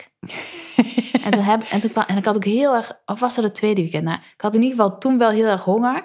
En toen heb ik dat ook heel snel opgegeten. En toen was mijn vriend mijn dochtertje naar bed aan het brengen. En toen werd ik helemaal niet goed. Toen ben ik naar de wc gerend. Te snel gegeten. Te snel gegeten. En ook zo'n vette hamburger slaat Ja. echt nergens op. Heb ik het, dat is de enige keer dat ik moest overgeven. Oh ja. Maar Ja. dat kwam dus eigenlijk doordat je gewoon te snel een Big Ja. Mac naar binnen had gewerkt. En waarschijnlijk vet. Toen ben ik daarna ook wel weer ben ik een beetje gaan opletten wel met vet. Ja. Dat ik dacht, nou, dat eerste weekend moet ik wel gewoon... Maar op de andere manier was die craving er wel. Dat ik dacht van, oh, ik wil vet eten of zo. Maar mijn lijf kon dat dan niet zo goed aan. Dus Nee. nee, dacht ik van, nou, ik moet wegblijven bij de patatten. En eh, Ja. ja, ja. Ja, ik heb dat ook wel gehad. Zeg maar, eh, echt een soort ziek gevoel zonder koorts. Ja. Het is niet zo heel goed uit te leggen. Maar Nee, ik was wel ja. echt... Ik voelde me echt ellendig wel. Ja. En inderdaad, eerst word je een beetje opgepept door alle medicijnen. De eerste drie dagen, vier dagen volgens mij. God, dat vergeet ik ook weer. Ja. Anti- bijna allemaal anti-misselijkheidsmedicatie. en dan eh, in het, was bij mij dus ook op dinsdag. En dan in het weekend eh, kakte ik weer een beetje in. Had je ook zelf medicijnen die je eventueel kon nemen om de misselijkheid tegen te Ja, gaan? mocht extra nemen Ja. dan. Ehm, Heb je dat veel nodig gehad? Volgens mij mocht ik het vaker, maar heb ik het. eh, zij zei op een gegeven moment een verpleegkundige van neem gewoon drie keer per dag een half uur voor het, voordat je iets gaat eten, neem het maar gewoon als extra, want het kan toch geen kwaad. Dus heb je standaard wel ja, heb gedaan? ik standaard gedaan. Metoclopramide heette dat spul. Ja, bij mij was het volgens mij dat ook. Maar dat weet ik niet zeker. wel iets met En een daar M. krijg je dan weer een hele droge mond van. Mm. Of van een van die, ik weet niet, een van die pillen kreeg je helemaal droge mond. Of misschien wel door de chemo, weet ik veel. Droge ja, mond, dat, ja. droge ogen. Ik had ook heel erg eh, droge neus. Ja, Heel erg. Dat ik in het begin kreeg er ook echt bloedneuzen van. ja, Hoef ik maar iets, eh, zo werd ik zacht zwak, hoef ik er maar iets aan te raken en drupte meteen eruit. ja, ja, want eh, Dus wel. weer- haartjes in je neus vallen ook uit. Ja, en mensen, al het haar valt uit, hè? Ja, Niet alleen op je hoofd. maar Dat weet vroeg je, ook iemand. Valt je schaamhaar dan ook uit? Ja, nee, tuurlijk. Dat Ja. blijft dan toch niet zitten in zijn eentje? ja, ik, ik, Alles. Het zou wel fijn zijn als nu alleen mijn haar, haar- hoofdhaar zou teruggroeien. Maar dat gebeurt dus ook niet. Nee. nee, maar dat het in mijn neus ook weg was, dat, dat realiseer ik me pas heel later. Want op een gegeven moment waren die bloedneuzen... Dat was echt een beetje van het begin. Op een gegeven moment, ja, wende mijn lijf eraan of zo. Ik Ja. weet niet. En toen had, heb ik op een gegeven moment gehad... Dus nu wel weer wat minder, dat heel de tijd de vocht gewoon eruit drupt. En dan kon ik het wel zo omhoog halen als je wel eens van buiten naar binnen kwam of zo. Maar dat werkte dan gewoon niet goed. Nee. En dat ik ergens stond en dat gewoon drup, drup. En dan hing er zo'n... Eh, Want ik had op een gegeven moment ook wel een beetje dat ik het idee had dat mijn lippen een beetje ongevoelig werden en mijn neus. En dat ik niet eens voelde dat er een druppel aan mijn neus hing. Dat mijn vriend moest zeggen, ah, jij hebt dat aan je neus. Ja. Ja, dus ik liep heel druk met zakdoekjes. Dat ik denk, oh, ik moet altijd mijn Oh neus ja. snuiten. Oh, dat heb ik helemaal niet gehad. Ja. Maar dat is misschien ook in de tijd, want jij zat dan in februari. Dat is Ja. misschien ook door het weer ik had pas, invloed. pas eigenlijk later had ik dat Oh, pas. Oké, dus het heeft Ja. daar niet mee te maken. En ehm, ik had ook eigenlijk... In het begin heb je dan het eerste weekend de meest heftige reactie, zeg maar. Ja, En dan op maandag voelde ik me wel weer oké. En dan kreeg ik op dinsdag weer die Paclitaxel. ja. Daar was de reactie iets minder heftig op. Vooral Ja. in het begin. Later had ik het idee dat ik daar wel juist weer wat meer reactie op kreeg. Ja. Maar dan kreeg ik eigenlijk pas in de laatste week, wanneer de rustweek was. En ik eigenlijk lichamelijk weer een beetje oké. Toen kreeg ik heel erg uitslag in mijn gezicht. Oh ja, heb ik ook Helemaal gehad, ja. rode bultjes, een beetje pukkeltjesachtig. En ik kwam elke keer weer terug. Oh, echt? Ja. Oh, ja. Ik heb dat één keer gehad, wat ook heel onduidelijk was waar dat dan vandaan kwam. Ja, Oh, dat is ook irritant, hè, die uitslag. ja, Oh ja, wat ik ook nog dacht, dat ehm, als je chemo hebt ehm, gekregen, dan moet je de wc helemaal schoonmaken. ja, Of je moet je eigen wc hebben waar andere mensen niet gebruik van maken. ja. Want eigenlijk al jouw afvalstoffen bevatten chemo en je, je huisgenoten moeten daar zo min mogelijk mee in aanraking komen. En wij hebben één wc. Wij ook. Ja? Ja. Oh, ik vond dat dan ben je dus Maar bij- helemaal beroerd en dan moet je nog die vervelende wc schoonmaken. Maar bij mij zeiden ze niet elke keer nadat je naar, gewoon één keer per dag. Oh nee hoor, Ja. elke Oh. keer. Ja. En dan bij die AC-kuren zes dagen lang. Mm. En bij Paclitaxel drie dagen, inclusief chemodag dan. Ja, bij mij hebben ze het niet zo heel uitgebreid behandeld. Misschien is dat met immunotherapie dan ook anders of zo. Ja. ja, weet ik niet. En eh, van dat rode zakje, die AC, daar krijg je ook allemaal rode urine ja. van. En ik werd er een soort geel. Mijn huid werd ook heel gekke kleur, kreeg ik. En ze zeiden zelfs, dat vond ik heel heftig... ja, als je nu moet huilen, kunnen je tranen ook Oh. rood zijn. Super creepy. Is nooit gebeurd, maar ik dacht wel... eh, oké, goed dat je het even aankondigt. Ja, oké. Ja. Heb jij verder nog dingen op je lijstje staan... van eh, chemo waarvan je denkt... oh, dit moet ik nog meegeven? Nou, de- ehm, we hebben natuurlijk die opvliegers gehad. Dus de, we hebben het Ja. vooral over de korte termijn bijwerkingen gehad. Ja. Echt tijdens de chemo. Maar er zijn ook bijwerkingen die je op de lange termijn natuurlijk kan hebben. Ja, En ehm, ja, haaruitval is natuurlijk op korte termijn, maar dat duurt dan nog wel langer, zeg maar, voordat je het allemaal weer terug hebt. Ehm, eh, maar bij ons was het ook, eh, ik weet niet of dat bij jou ook wat neuropathie. Mhm, Ja, Ja, valt bij mij mee hoor. Maar Mm. jij hebt daar heel erg last van, hè? nou heel Of erg. gehad? Ja, ik weet niet of het heel erg is. Dat vind ik dus ook het moeilijke van dat hele neuropathie verhaal. Dus is eigenlijk dat je uiteinden van je zenuwen Ja. beschadigen. Ja. En zenuwen herstellen zich heel moeilijk. Dus ze zijn daar best wel een beetje alert op. Maar ik vind het heel moeilijk om te omschrijven wat dat, hoe dat voelt. Ja. En ik vond het ook heel moeilijk, want ik had bijna bij de eerste keer chemo dat ik al dacht van, oh, ik voel al wat tintelen in mijn voeten. En dat ik ook al, toen heb ik volgens mij, dat is een van de enige keer dat ik nog buiten de tijden naar het ziekenhuis heb gebeld. Of, omdat, en toen zei hij, nou, aan de eerste keer kan dat eigenlijk gewoon niet. toen dacht ik, jee, ik stel me weer ontzettend aan, dacht ik. dat vind ik dan heel erg, weet je wel. Oh ja. Ja, Nee joh, dat is niet erg. Bel, gewoon bellen als Ja. je je zorgen maakt. Ja. Dat is echt... ja, dat is wel zo, maar dat, dat voel ik dan toch. Ja.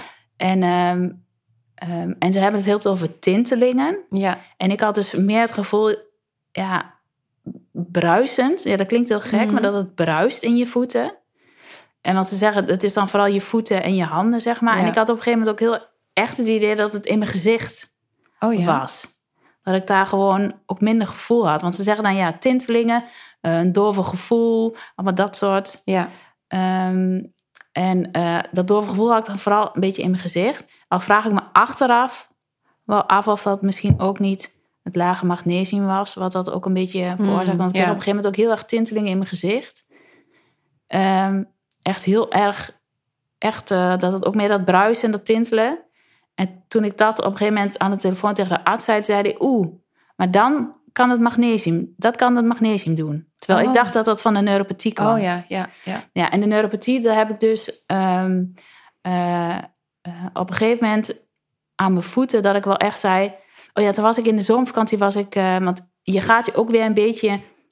Ik had dan thuis dikke slippers aan. Ik liep niet echt meer veel blote voeten, want Mhm. dat doet dan zeer. Het zit echt onder de bal van de voet bij mij en bij de tenen. Ja. Dat doet dan gewoon zeer met lopen, alsof je de hele dag al erop gelopen hebt Oh ja. ja, alsof het Oh, helemaal vermoeid vervelend. is. Ja. En thuis heb ik dikke slippers en dan merk ik het niet zo. Maar toen ging ik dus in de vakantie zwemmen. Mhm. Toen moest ik met mijn blote voeten over de tegeltjes bij het zwembad. En voor de, zwemba- eh, voor de glijbanen hebben ze dan allemaal van dat anti-slip, van dat Ja, kunststof met van die puntjes Ja. erop. Oh, ik kon daar niet Nee. op lopen. Oh. En toen, da- wat, dat was eigenlijk het moment dat ik dacht, oh ja, ik heb het wel echt. Ja. En, En toen- ook wel erg, toch? Ja, Toch? nou ja, terwijl ik ook wel weer van andere mensen hoor heel erg van... eh, ja, lijkt of je op hele dikke watten loopt en zo. En dan denk ik, ja, maar dat haak ik niet zo heel erg. Terwijl ik nu wel denk, ja, op dat stuk waar het pijn doet... lijkt het wel een beetje of, of je op iets loopt inderdaad. Of je Mhm. op iets, ja, een zakdoekje eronder zit of zo. Mhm. En ik heb het ook op een gegeven moment omschreven... alsof er soort kaarsvet om je tenen zit. Ja. Je voelt het wel, maar het is ook een beetje ver weg of zo. Het is niet Ja. dat het helemaal verdooft. En ik heb het ook wel... Op een, ge- want ik vond dat heel moeilijk, dus daarom noem ik het allemaal maar. Want dan kan je daar misschien in herkennen. Ja, ja. Ehm, ook alsof je koude tenen hebt. Van de, eh, eh, ja, koude tenen hebt, echt dat het koud is. Dan voelt dat ook wat minder. ja. Maar dan heb je geen koude tenen, maar dat gevoel is er dan wel. Oh ja, ja. Ja, en ehm, we hebben dat dus heel de tijd over gehad, ook met de arts en de verpleegkundige specialist. En voor elke kuur. En op een gegeven moment gaf ik wel aan van, dus na dat zwemmen, van ja, het wordt toch wel erg. En toen hebben ze besloten om de negende kuur te laten vervallen. Ja. En dat had mijn arts in het begin ook aangegeven. Er staan negen kuren voor. Ehm, het is mooi als je dat volmaakt. Maar als je het niet volmaakt, heb dan niet het gevoel... ik heb gefaald, het werkt al niet goed. Eh, nee, we kijken wat bij je lichaam past. Eh, je bent jong, je moet nog heel je leven, als het goed is... Ja. met dit lichaam. Dus we willen daar niet te veel over grenzen gaan. En hij zegt, ze zijn ook al aan het onderzoeken... eh, of het niet met zes kuren af kan. Ja, of misschien klopt. met drie. Dus ja, Ja. Nou, ja, want over de neuropathie. ehm, ik heb daar dus niet zoveel last van. Behalve dat mijn nagels een soort van verkleuren. Mm. Alsof ik aan de zware check zit, zeg maar. nee, heb ik niet. Helemaal gelig. En dat het een beetje pijnlijk is en krachtverlies in mijn handen. Hmm. Dus een potje opendraaien is eh, dat ik gewoon mijn kind van Oh. elf dat vraag te doen. Ehm, maar dat kan ook weer van die antihormonale therapie Oh, ja. komen. Want eh, mijn gewrichten beginnen pijn. Ik ben gewoon een vrouw van 50 eigenlijk Ja, geworden. Door alle dingen. Dus Ja. dat ja, dus niet echt leuk om te horen. Maar dat is in, in mijn geval wel een combinatie van die antihormonale therapie en chemo heeft wel een heel verouderd lijf. Wat het gewoon wat stroever is en wat meer pijn doet. En dat gaat ook niet weg, dadelijk meer. Nou, ze zeggen bij die antihormonale therapie dat je, dat je, dat je lijf er ook wel een beetje aan kan wennen. En dat het wat minder wordt. En dat het ook nu, het is Ja, nu is ook een heftig, combinatie van chemo en die hormonen, of eigenlijk niet hormonen, dus ehm, dat je soms klachten hebt waarvan ze ook kunnen zeggen, ja, dat kan daardoor komen, maar het kan ook daardoor komen. Het kan Ja. ook stress zijn en dat is best wel lastig. Er gebeurt gewoon veel. Ik heb in ieder geval heel erg last van een lichaam dat ik niet, gewoon echt niet goed ken nu Nee. meer. Je, het verandert, je kunt het niet meer goed lezen als het ware. Dat vind ik heftig aan zo'n hele periode. Ja, Ehm, en ja, ik hoop dat dat weer langzaam terug gaat komen. ja. Maar ehm, dat- ja, ik vond dat met die neuropathie ook lastig. Van wat voel ik, hoe, ver- hoe verwoord ik dat? Ja. En eh, dan moet die arts het ook nog interpreteren. Ja, ik vond dat wel heel moeilijk. Van, Ja. Want je wil natuurlijk eigenlijk stiekem wel gewoon al die chemo's volmaken. ja, Want je, dat is in je je hoofd denkt dat dat het beste is. is. Ehm, maar ik was uiteindelijk wel heel blij dat ze zeiden van die laatste hoeft niet meer. Dat voelde ik eigenlijk ook wel een beetje. Ja. Ja. En qua neuropathie, ja goed, ik heb dan nu inderdaad nog steeds wel last van mijn voeten. Mhm. En ik probeer wel echt zo ook te blijven wandelen en zo. En ik merk dat het, als ik ga wandelen, dan is het vooral in het begin dat het, dat het pijn doet. Mhm. En dat het later, ja, of het verdooft een beetje, maar dat het dan tijdens de wandeling wel weer een beetje afzakt. Ja. Maar in huis loop ik, ik liep altijd heel graag echt op blote voeten. Mhm. Nou, blote voeten, dan ga ik überhaupt niet meer, want zonder sokken zeg maar, want Mhm. dat, ik voel alles. Oh ja, Heel overgevoeligheid. Ja, heel vervelend.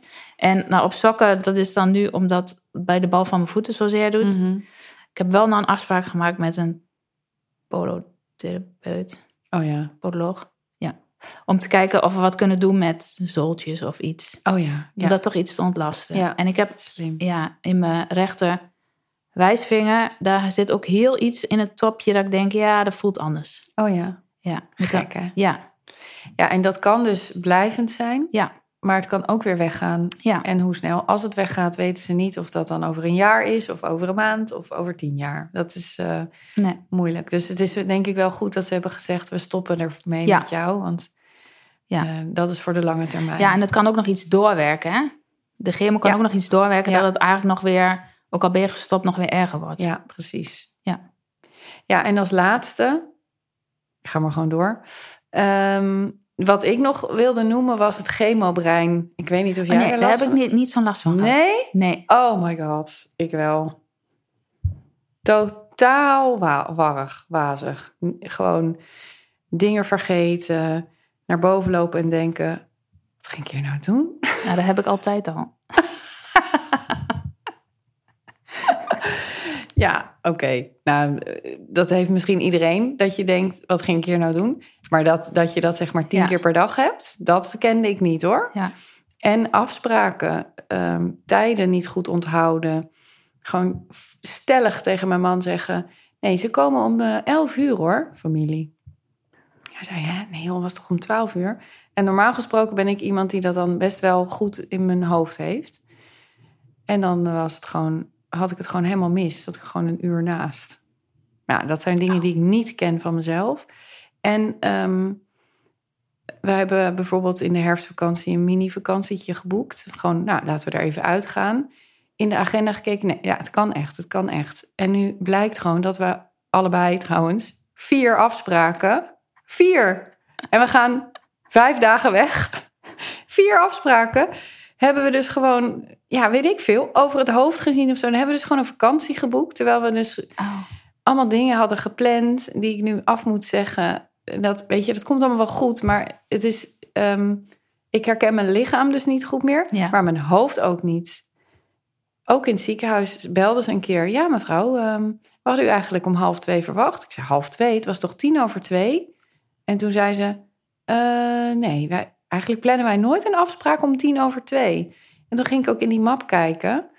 Nou ja, stond gewoon half twee. Oh. Hoe ik dan tot tien over twee kom, ik weet het niet. Maar dan, gelukkig zijn ze allemaal heel lief en ben je Ja. niet de enige die wel zijn afspraak vergeet. Maar dan, ehm, ik, ik vind het heel irritant. Nee, heb ik niet zo gehad. Oh, fijn. Ja. Zou dat dan toch die ACQ zijn?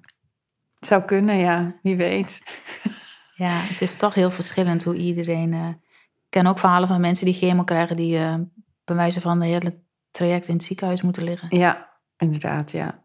Nee, want tussendoor, in de, in de, op de goede momenten, ehm, in de goede weken, Ja. goede dagen, voel ik me eigenlijk heel prima. Ja. En had ik van tevoren ook zo'n beeld van, oh, dan lig je alleen maar ziek op bed. Nou, dat is helemaal niet zo bij Nee. mij. Nee. Maar dat chemobrein, en dat kan ook langer nog duren, ook na de chemo. Dat je gewoon Ja. ja. ja, niet meer zo scherp bent als je daarvoor was.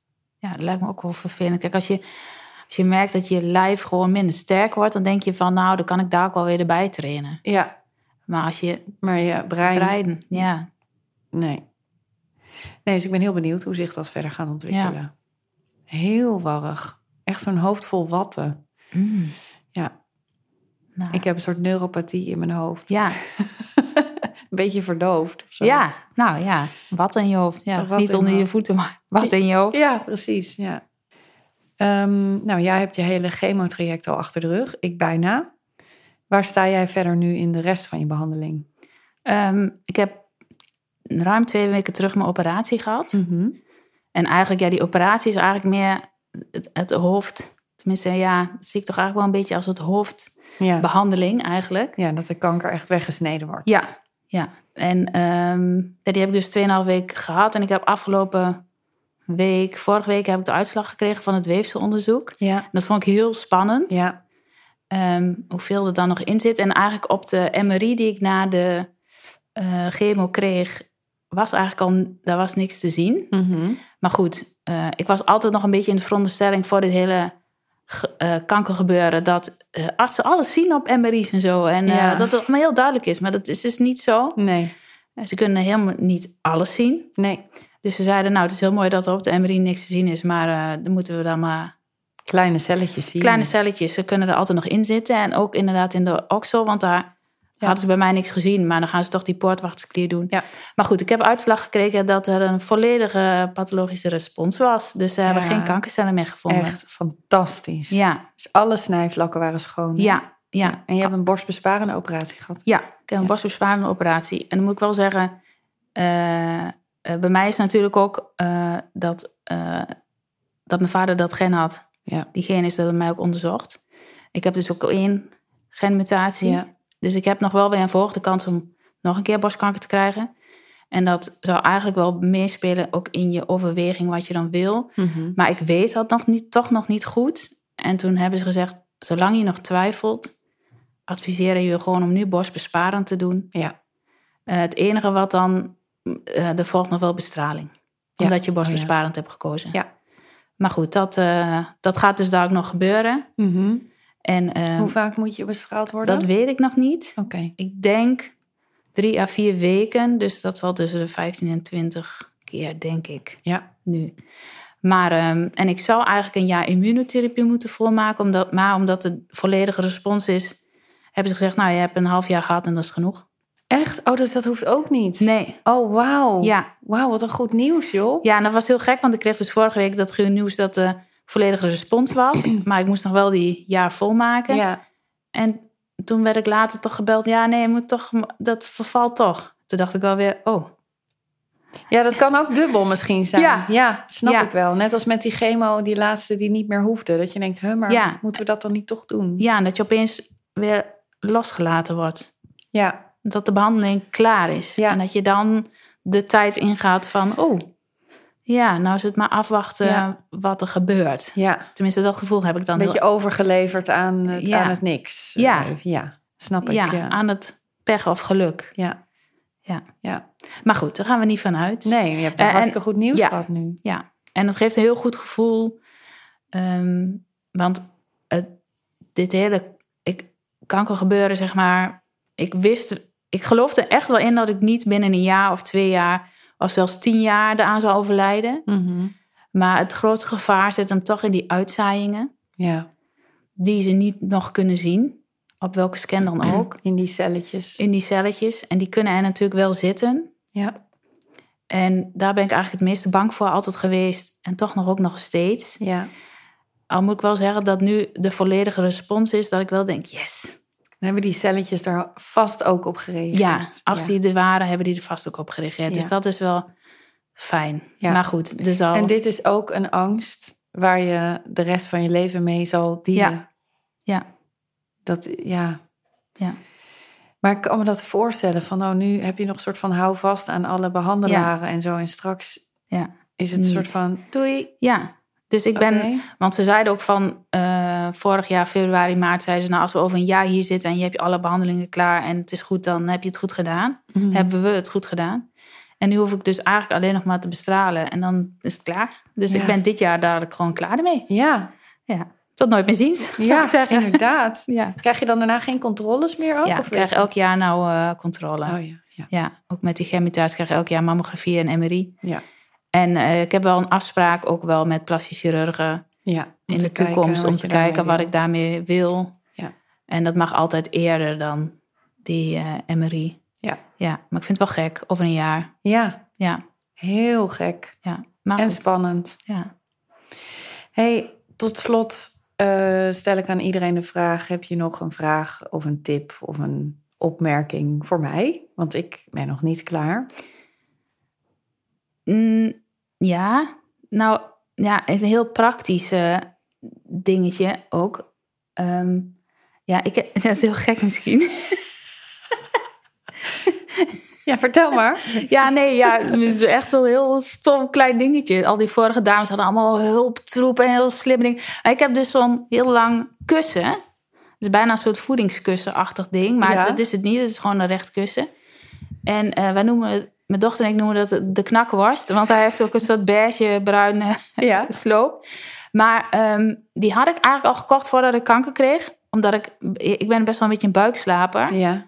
En ehm, eh, die vind ik dus echt super lekker ook. Ja, nou ja, goed, daar heb jij niet meer nodig. Na de alle biopsieën en dingen die dan met je borsten gebeuren. En dan moet je strakke BH's aan. En, en ik vond dus die, die, dat kussen heel fijn na de operatie. Oh ja. Want dan kan je er zo lekker tegenaan gaan liggen. Die kan je tegen je aandrukken. Dan, dan heeft Als een dat, soort steun. Ja. ja. Oh, Ja. wat een goede tip. Ja, dan hoef je nou niet meteen zo'n kussen. Maar misschien een extra, ja. Nou, mijn kinderen die hebben nog, dat heb ik toen, toen ze heel klein waren, voor ze gemaakt. Zo'n voedingskussen had ik een leuk hoesje omgemaakt. En dat is een soort van eh, tegen bescherming van dat ze hun hoofd stoten Mhm. tegen het bed. En dat hebben ze nog steeds. Dus dat hebben ze helemaal niet meer nodig. Maar die kan ik gewoon even, even jatten. Ja, Wat een goede tip. ja, Dankjewel. Alsjeblieft. Nou, dan wil ik je heel erg bedanken voor je komst. We hebben echt eh, heel uitgebreid gehad over de chemo. Ik hoop Ja. dat het mensen geholpen heeft. En ik, ja, ik wil er toch nog bij zeggen, dit is onze ervaring. Dat zegt niks over, ehm, nou ja, ervaring van anderen. Nee, en vooral hoe je lichamelijk inderdaad erop reageert... zal Ja. bij iedereen gewoon anders zijn. Ja, dat is echt anders. We geven daarin ook denk ik niet een advies van... oh, Nee. dit, dit moet je doen of dat moet je doen. Nee, Maar, eh, en dat blijkt ook, want jij hebt een andere ervaring dan ik. ja. Maar ik hoop dat het in ieder geval een inkijkje geeft in hoe, hoe dat dan gaat met chemo. Ja. En dat dat in ieder geval wat eh houvast kan geven. Van zo gaat het in ieder geval in zijn werk en daar kun je op letten. En hier zou je eventueel last van kunnen krijgen. Ja, en ook voor andere mensen om, om eens te horen hoe dat dan gaat. Ja. Omdat het dan, ja, Ook mensen zonder kanker, Ja. misschien familie of zo. Ja. Nou, hoe gaat dat dan? ja, Ja. Dankjewel. graag gedaan. Veel dank voor het luisteren van deze aflevering. In de show notes is meer informatie te vinden over het thema dat we besproken hebben. Laat een berichtje achter in de comments en laat vooral weten wat je ervan vond. En geef deze podcast sterren. Dat helpt ons om meer bekendheid te krijgen. Wil je meer weten over de Borstkast en onze gasten? Volg ons vooral op Instagram en zoek op de Borstkast. Liefs, Helene.